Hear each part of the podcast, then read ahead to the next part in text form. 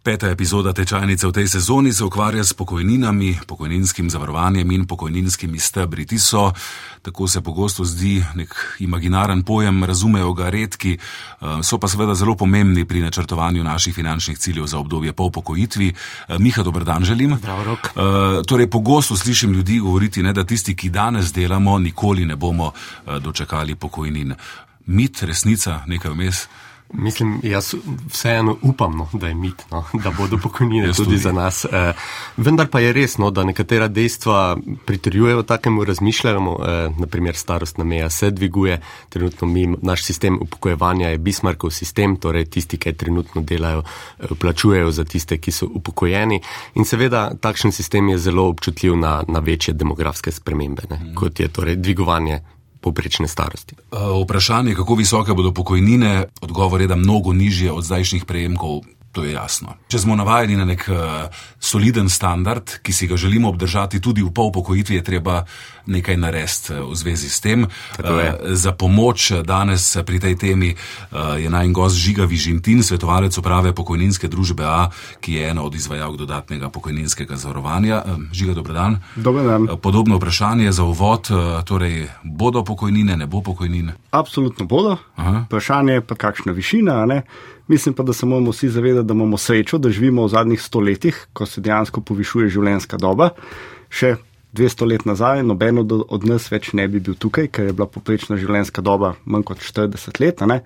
Tako da živimo v odličnih časih, kar se tega tiče, živimo vedno dlje. Moramo pa glede tega računati, da moramo za pokojnino oziroma za nek dober dohodek v pokoju malo poskrbeti tudi sami. Tečajnica. Vodnik po osebnih financah. Miha, ti si v zgodnih 30 letih.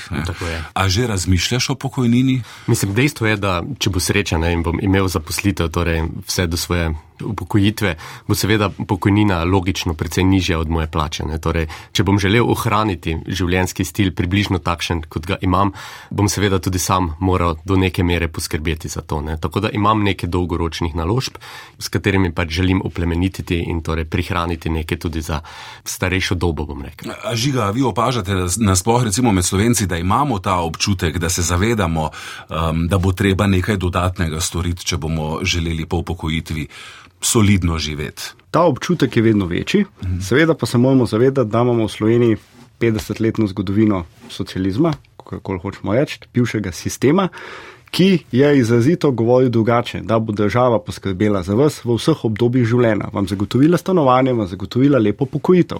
Tako da je seveda zavedanje tega pri nas drugačno kot v anglosaksonskih državah, Ameriki, Britaniji, kjer že 100-150 let velja, da boš mogel nekaj za pokoj poskrbeti tudi sam. Tako da pri nas se pa zdaj. Rekel, od osamosvojitve to zavedanje dviguje, ker kaj se seveda dogaja, ne? pokojnine se realno nižajo, v procentu od plač, in ljudje, ko se upokojujejo, ko dobijo odločbo o javni pokojnini, kakšna bo višina, je po večini razočaranje. Tam na spizovi spletni strani obstaja nek kalkulator, ne, na katerem si lahko že zdaj izračunamo. Če bi recimo moja plača do pokojitve ostala enaka, kakšna bi bila približno pokojnina pri plači 3000 evrov bruto, koliko je to neto približno? Ja, odvisno je seveda od, eh, če imaš kakšne zdržavane člane, davčne olešave, ampak recimo 2000. 2000 evrov. No in izračun pokojnine pri tej številki je prišel 1200 evrov, kar je 800 evrov manj od zdajšnjih prejemkov. Ne. Kako to popraviti, kako načrtovati pokojnino?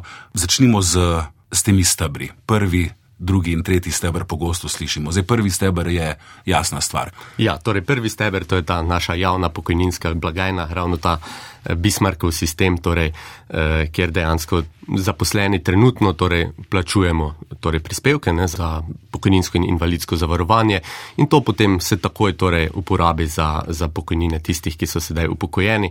Če je potem kakšna luknja, potem država iz proračuna to nekako pokrije. Potem pa imamo še drugi in tretji steber. To pa sta dejansko tista dva stebra, ker lahko mi sami nekaj naredimo, da povečamo našo pokojnino. Drugi stebr, da je mu to malo razdeliti. Kaj je to drugi stebr? Ja, ti stebri so doska taka imaginarna stvar. Ne?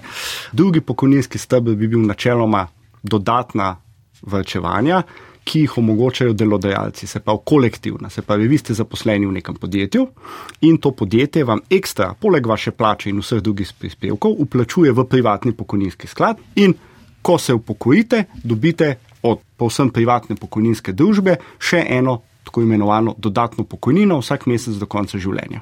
Kaj je pa mogoče glavna no stvar, ki bi jo še podaril glede drugega pokojninskega stebra v primerjavi sploh s prvim, da ima vsak vrčevalec svoj vrčevalni račun, tako kot da bi imeli račun na banki in tja se vsak mesec zbirajo plačila. In ko se upokojite, je vaša dodatna pokojnina odvisna samo od tega, koliko imate prihrankov in pa koliko ste stari. Ker v prvem stebru noben od nas nima enega vrčevalnega računa koliko ste vi vplačali prispevkov, ima nažalost vedno manj povezave s tem, koliko je visoka vaša javna pokojnina. Sploh, ker imamo maksimalno pokojnino, minimalno tako. In z vsako reformo nekako je to še slabše. Uh -huh. V kapitalskem pa vi točno veste, toliko, ko ste vi in pa vaš delodajalec vplačali, toliko imate plus donos.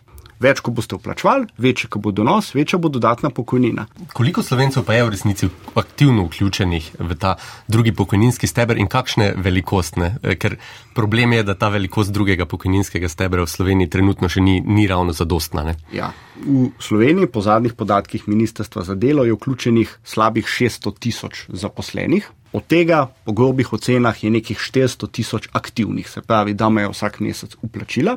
Skupna sredstva, ki so jih pa te ljudje privrčevali, so konec lanskega leta znašala 3 milijarde evrov. Za primerjavo vedno navedem Hrvaško, ki je na tem delu bila veliko bolj uspešna.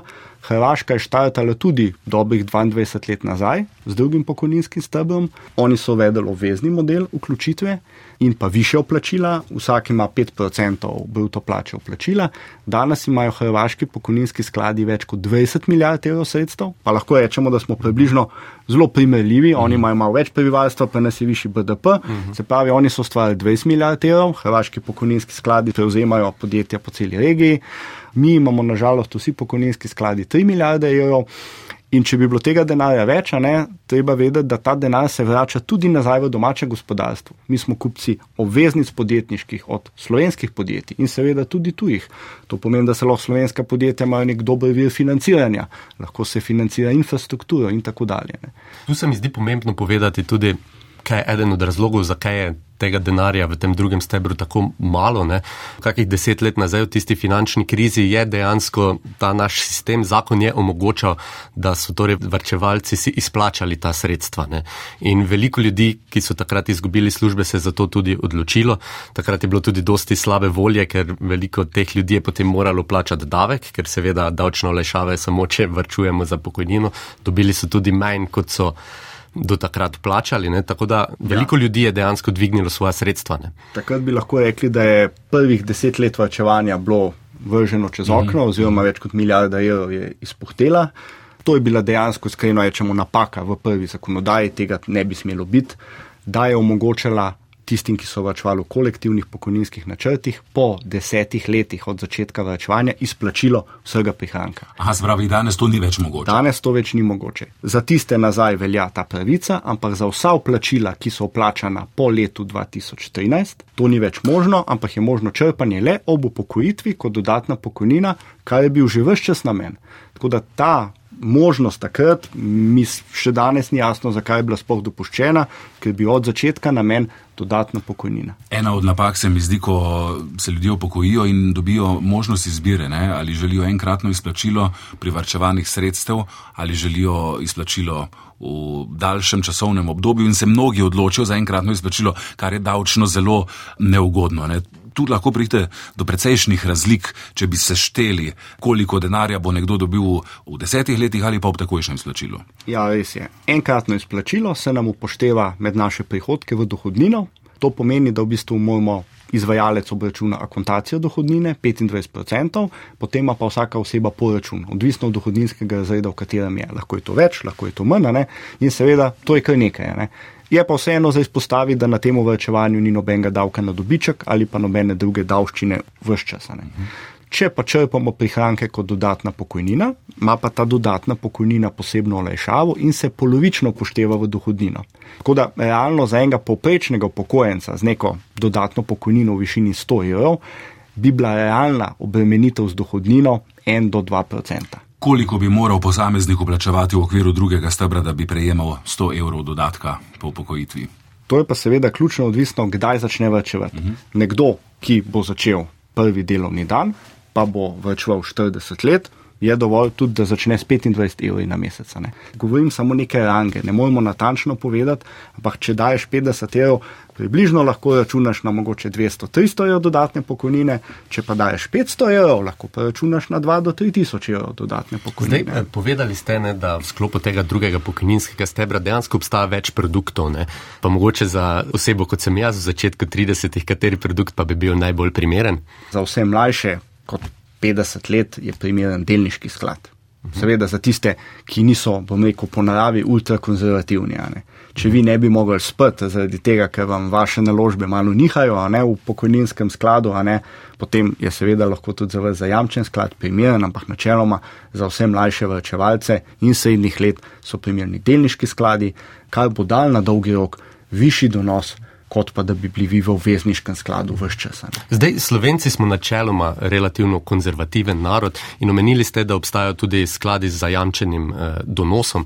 Kakšen pa je ta zajamčen donos? Na teh skladih moramo mi po zakonu garantirati vrčevalcu vso glavnico, ki jo plača, uh mhm. -huh. in pa še minimalni letni donos. Tega določa Ministrstvo za finance po neki določeni formuli, ki je v zakonu, in vsak izvajalec ima še malenko svoje pogoje, ampak če vam čisto tako rečem, ta minimalni zajamčen donos, vezan je pa na višino slovenskih državnih obveznic, gibal se je pa od 0,2% do skoraj 2% na leto.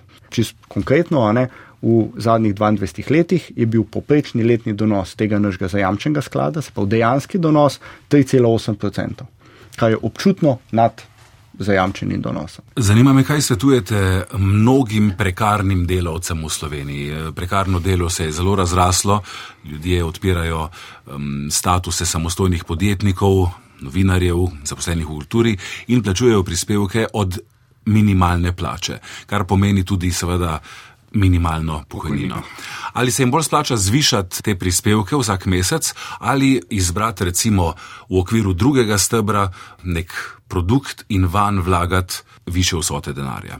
Od česa bodo imeli več? Jaz bi rekel, da morajo narediti kombinacijo.